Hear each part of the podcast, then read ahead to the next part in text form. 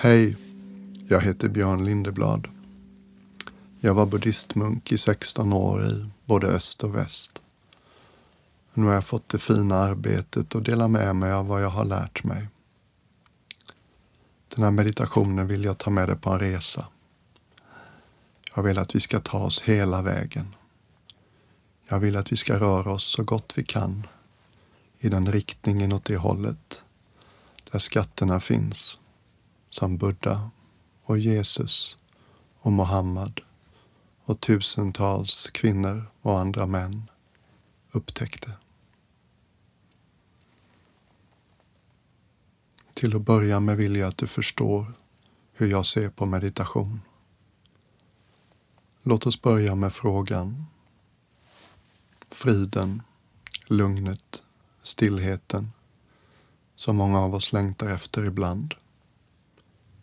Är det alldeles sant att det inte redan finns här?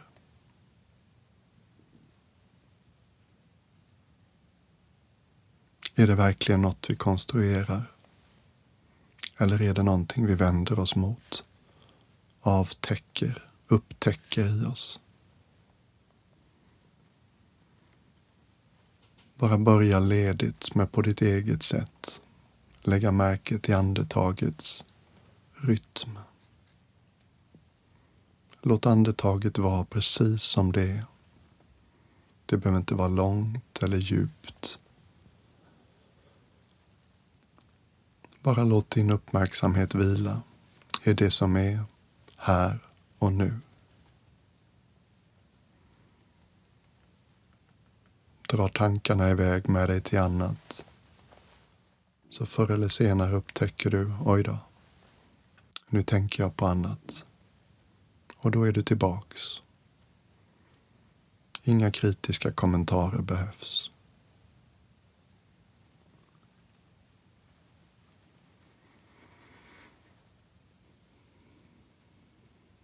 I andetaget finns ingenting för ditt ego.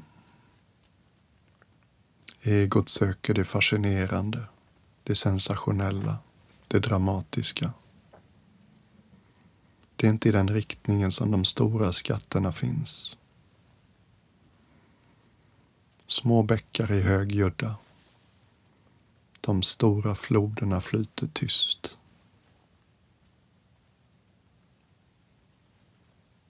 Genom att ägna oss åt andetaget så tränar vi vår uppmärksamhet.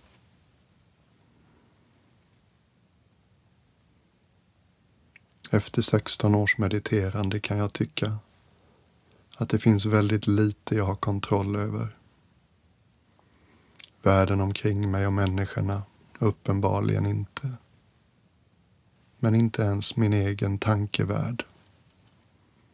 Jag vet faktiskt inte ens vilken som kommer bli min nästa tanke eller min nästa känsla. Ibland kan jag tänka att det finns egentligen bara en sak som jag har lite kontroll över. Och det är hur jag väljer att rikta min uppmärksamhet. Det är underskattat.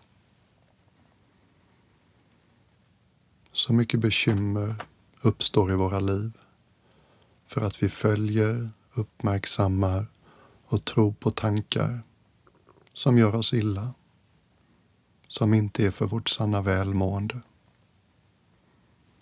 Inte sällan har de tankarna ett borde i sig. De borde, han borde, jag borde. Mm. Vi sätter upp en polaritet mellan verkligheten och hur vi tycker det borde vara. Har någon någonsin vunnit det argumentet med verkligheten? Har någon någonsin blivit mer som du vill att de ska vara?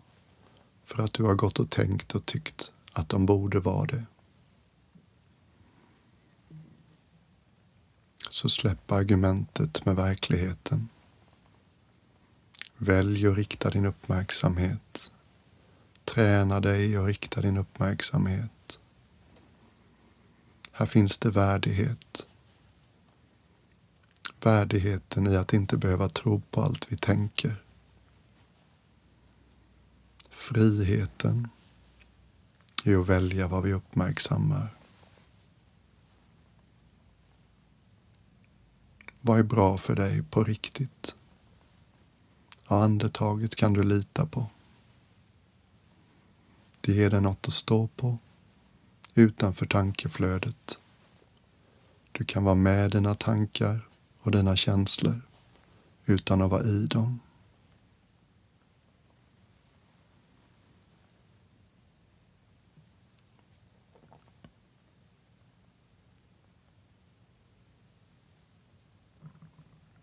Ta en sån enkel sak som tid. Tiden tycks ju så verklig. Datum och kalendrar. Men här och nu kan du upptäcka någonting annat än ett ögonblick. Ett pågående ögonblick. Det fanns en film för några år sedan som hette Maria Larssons eviga ögonblick. Det är inte bara Maria Larssons ögonblick som är evigt. Utan tankar finns inte tid.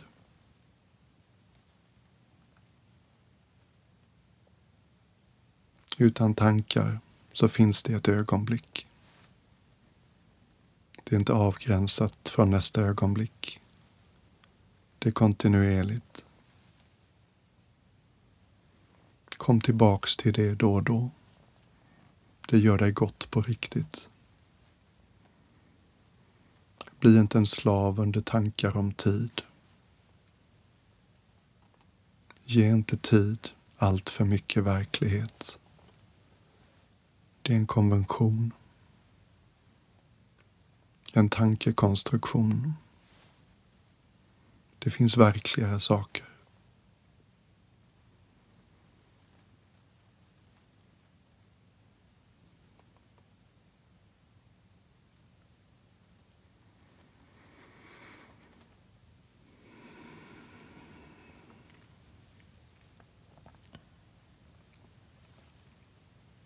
Hitta den delen i din uppmärksamhet som inte söker effekter, sensationer, drama.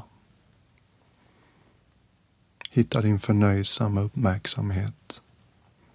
Den oskuldsfulla. Den som har nära till förundran. Den som är helt nöjd med det här andetaget.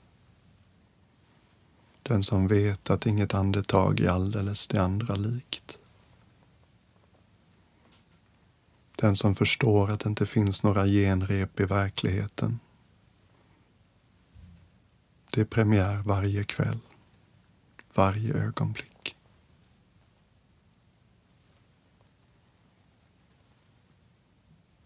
När buddhan talar om hur vi håller vårt meditationsobjekt så jämförde han det ibland med att hålla i en fågel. Håller vi för löst så flyger den iväg. Håller vi för hårt så gör vi den illa. Hitta ett ledigt sätt att följa andetaget som känns naturligt.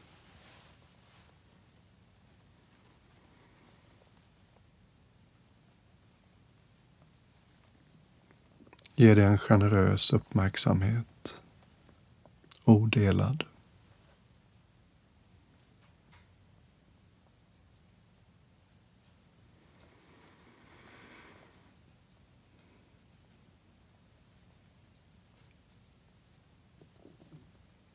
Det här kallas mindfulness. Massa forskning har gjorts och allt tyder på att det här är nyttigt för oss på så många plan. Men vet du vad? Man kan ta ett steg till. Och det här är ett steg som jag personligen tycker mycket om. I de flesta andliga traditioner så finns det någonting som på ett eller annat sätt liknar det man på engelska kallar open awareness. Och det har det inte forskats lika mycket på. Men de forskningarna, den forskningen som finns indikerar att det är ännu mera läkande. Hjälper oss ännu mer att vara kloka. Så tänk dig att den här handen som håller andetaget, tänk att du öppnar den helt och hållet. Du riktar inte din uppmärksamhet på någonting. Du låter allt få vara som det är. Du låter allt komma och gå.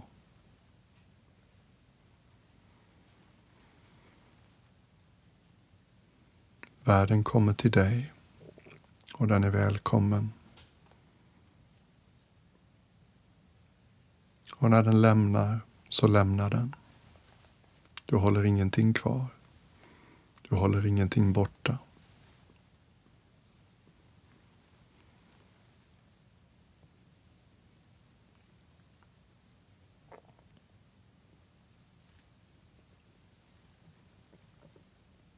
Ingen är betjänt av att du gör dig liten.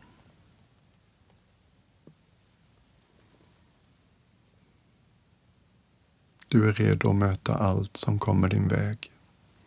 Även om det kan finnas en viskande röst som säger motsatsen.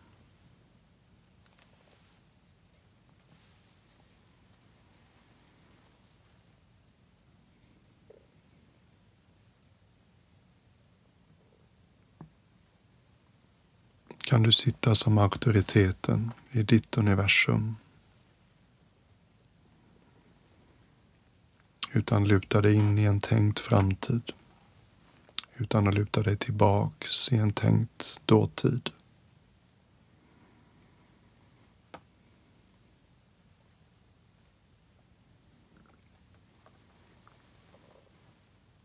Inte längre krympa, förminska dig själv på något vis. Vila i ditt centrum.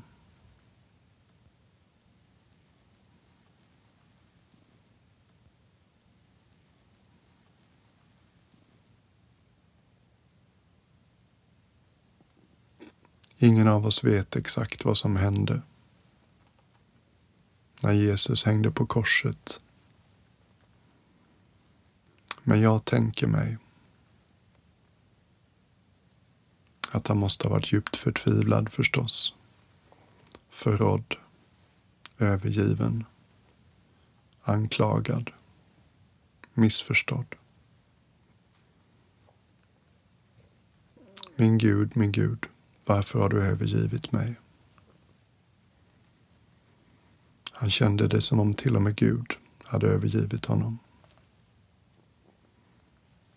Och sen hände något. Någonting i honom släppte taget om sitt skrikande ego och någonting större öppnade sig. Och så som det berättas i skrifterna så sa han sen Ske din vilja, inte min. Han fick tillgång till något mycket, mycket större som han kallade Gud. Det ordet är inte jag så van vid eller hemma med.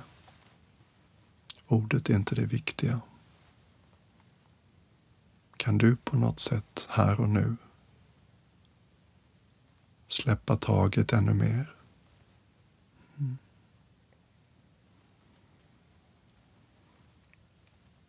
Låta det lilla och rädda och kontrollerande i dig få slappna av. Kanske till och med vända dig i den ovanliga riktningen. Så mycket av uppmärksamheten rör sig ofta utåt för oss. Hur vore det om du plockar hem uppmärksamheten, vänder den rakt mot ditt eget centrum.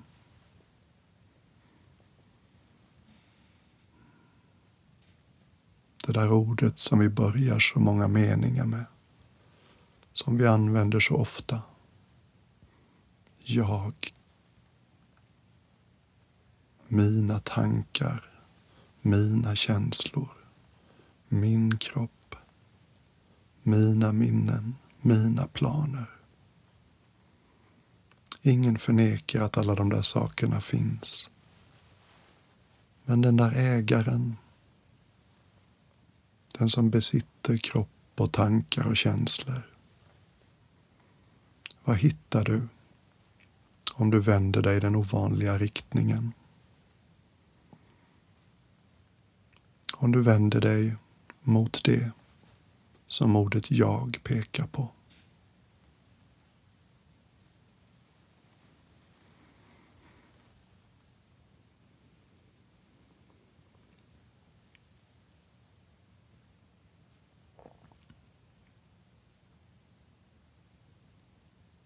Är det inte konstigt egentligen? Ord är ju bara ord. De ska ju peka på någon slags underliggande verklighet. Och det här ordet jag som vi alla använder så mycket. Visst är det svårt att hitta något solitt och tydligt. Någon entitet. Visst känns det lite som att försöka se sina egna ögon utan hjälp av en spegel.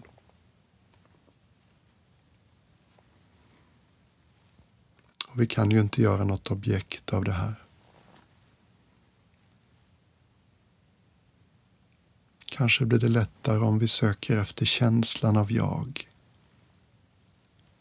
Kan du få en känsla av någonting som känns som jag? Någonting som har funnits med dig hela livet. Varenda molekyl i kroppen är utbytt många gånger sedan vi var små. Innehållet i våra tankar ser förstås annorlunda ut idag än när vi var fyra, fem år. Och det känslomässiga vädret ser säkert också lite annorlunda ut idag än när du var liten.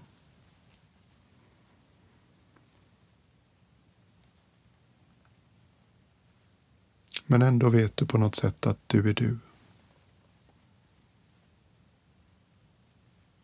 Vad är det som inte har ändrat sig på alla dessa år?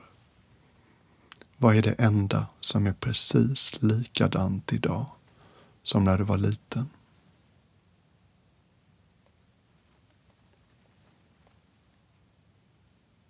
Kanske har du haft någon upplevelse någon gång som var speciell för dig när det här blev tydligt. Verkligheten kanske fick ett skimmer Kanske fanns det en känsla av att tiden bara stannade upp. Allt blev vackert. Kanske upplevde du det som att känslan av separation mellan dig och världen omkring dig försvann. Och någonting man skulle kunna kalla för kärlek, enhet, förening blev så tydligt. Vad vet jag? Många av oss har upplevt det här naturligt någon gång. Mitt sommarprogram börjar med en berättelse om när jag upptäckte det här. Försök inte för mycket. Luta dig in i det. Vad är det enda som inte kommer och går? Vad är det enda som består?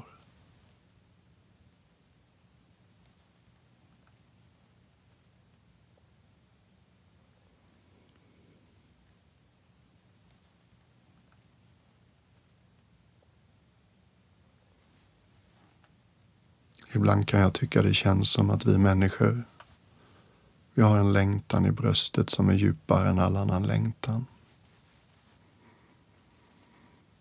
På något sätt känner vi att tillvaron skaver. Det är något som inte riktigt stämmer. Jag tror det är lite därför vi tycker om konspirationsteorier och filmer som The Matrix och The Truman Show thrillers som vi läser som indikerar att det är någonting mitt i ledningsgruppen, mitt på huvudkontoret.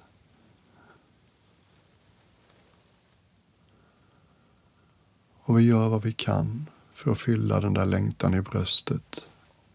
Vi hoppas på en sinnlig upplevelse, en relation, en aktivitet, ett yrke.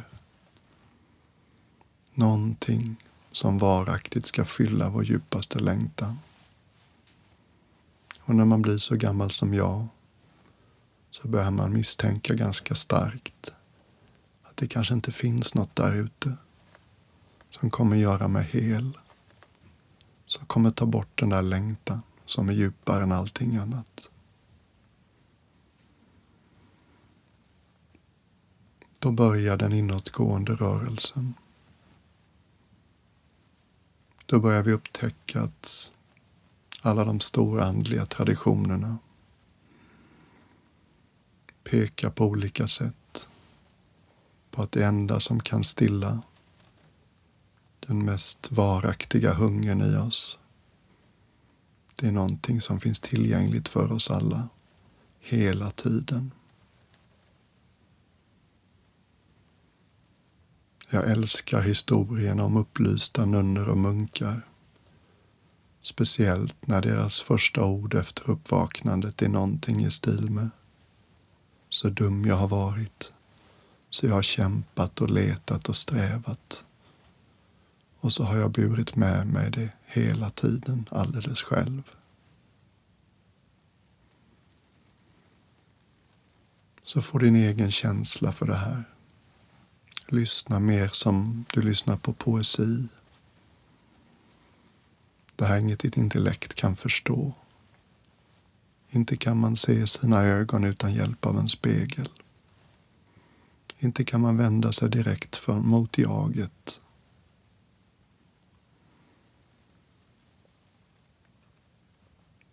En av mina favoriter i den kristna traditionen är en präst, en tysk präst från 1200-talet.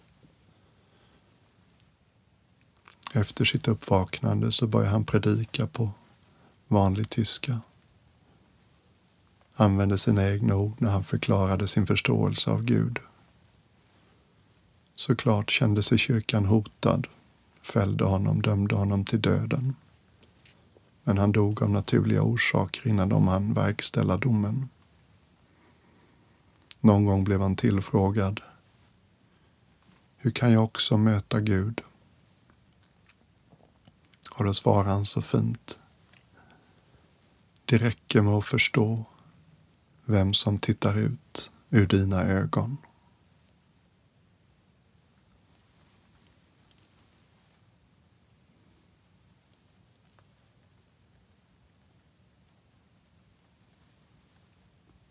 Det här är den ovanliga riktningen, 180 grader tvärt emot alla andra sätt vi betraktar livet och verkligheten.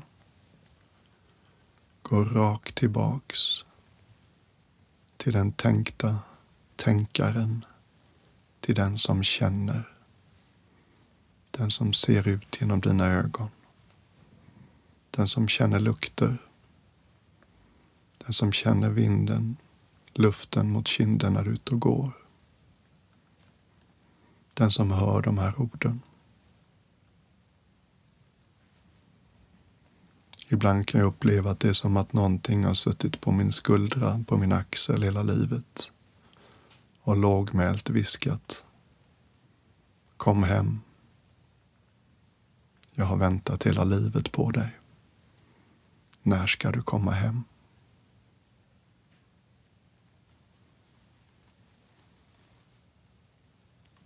Finns det någonting som är närmare ditt hem, närmare dig, till och med än tankarna? Mera innerligt, till och med än dina egna känslor. Närmare din kärna än till och med ditt andetag.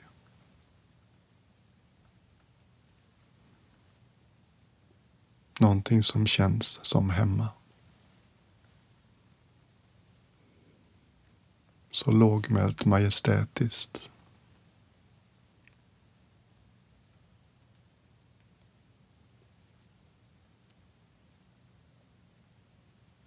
Och vet du vad? Det är inget nytt. Det finns ett igenkännande här. Tänk om det är som hinduerna säger, att den dyrbaraste pärlan, den gömde Gud, där hen visste att du aldrig skulle leta, i din egen ficka.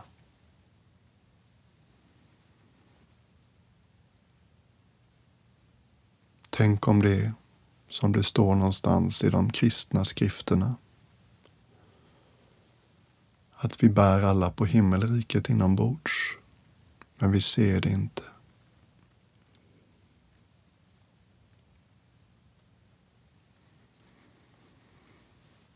Tänk om liknelsen är sann från den thailändska skogstraditionen som jag hörde till i så många år. Där man liknar oss vid tiggare. Vi sitter på en låda vid vägrenen. Vi nöjer oss med växelmynt från förbipasserande. Vad vi inte vet är att lådan vi sitter på är en skattkista full av rikedom bortom dina vildaste föreställningar.